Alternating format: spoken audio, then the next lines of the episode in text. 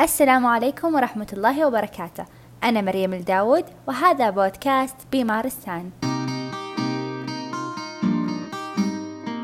موضوع اليوم راح يبحث عن أهمية دور العلاج الوظيفي مع مرضى الفصام.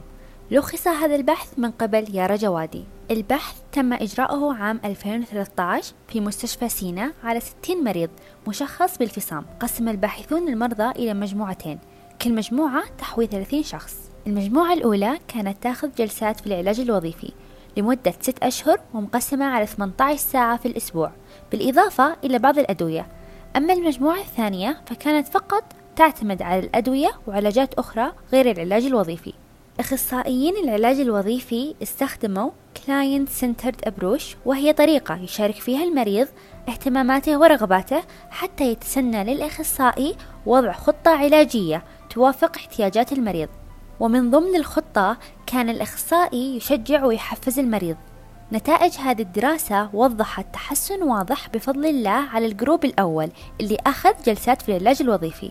في عدة مجالات مثل الوظيفة المعرفية، العلاقات الشخصية، وحتى تحسن ملحوظ على حياة المريض بشكل عام في عمله وحياته، ومن هنا نكتشف أن للمعالج الوظيفي دور مهم في حياة مرضى الفصام.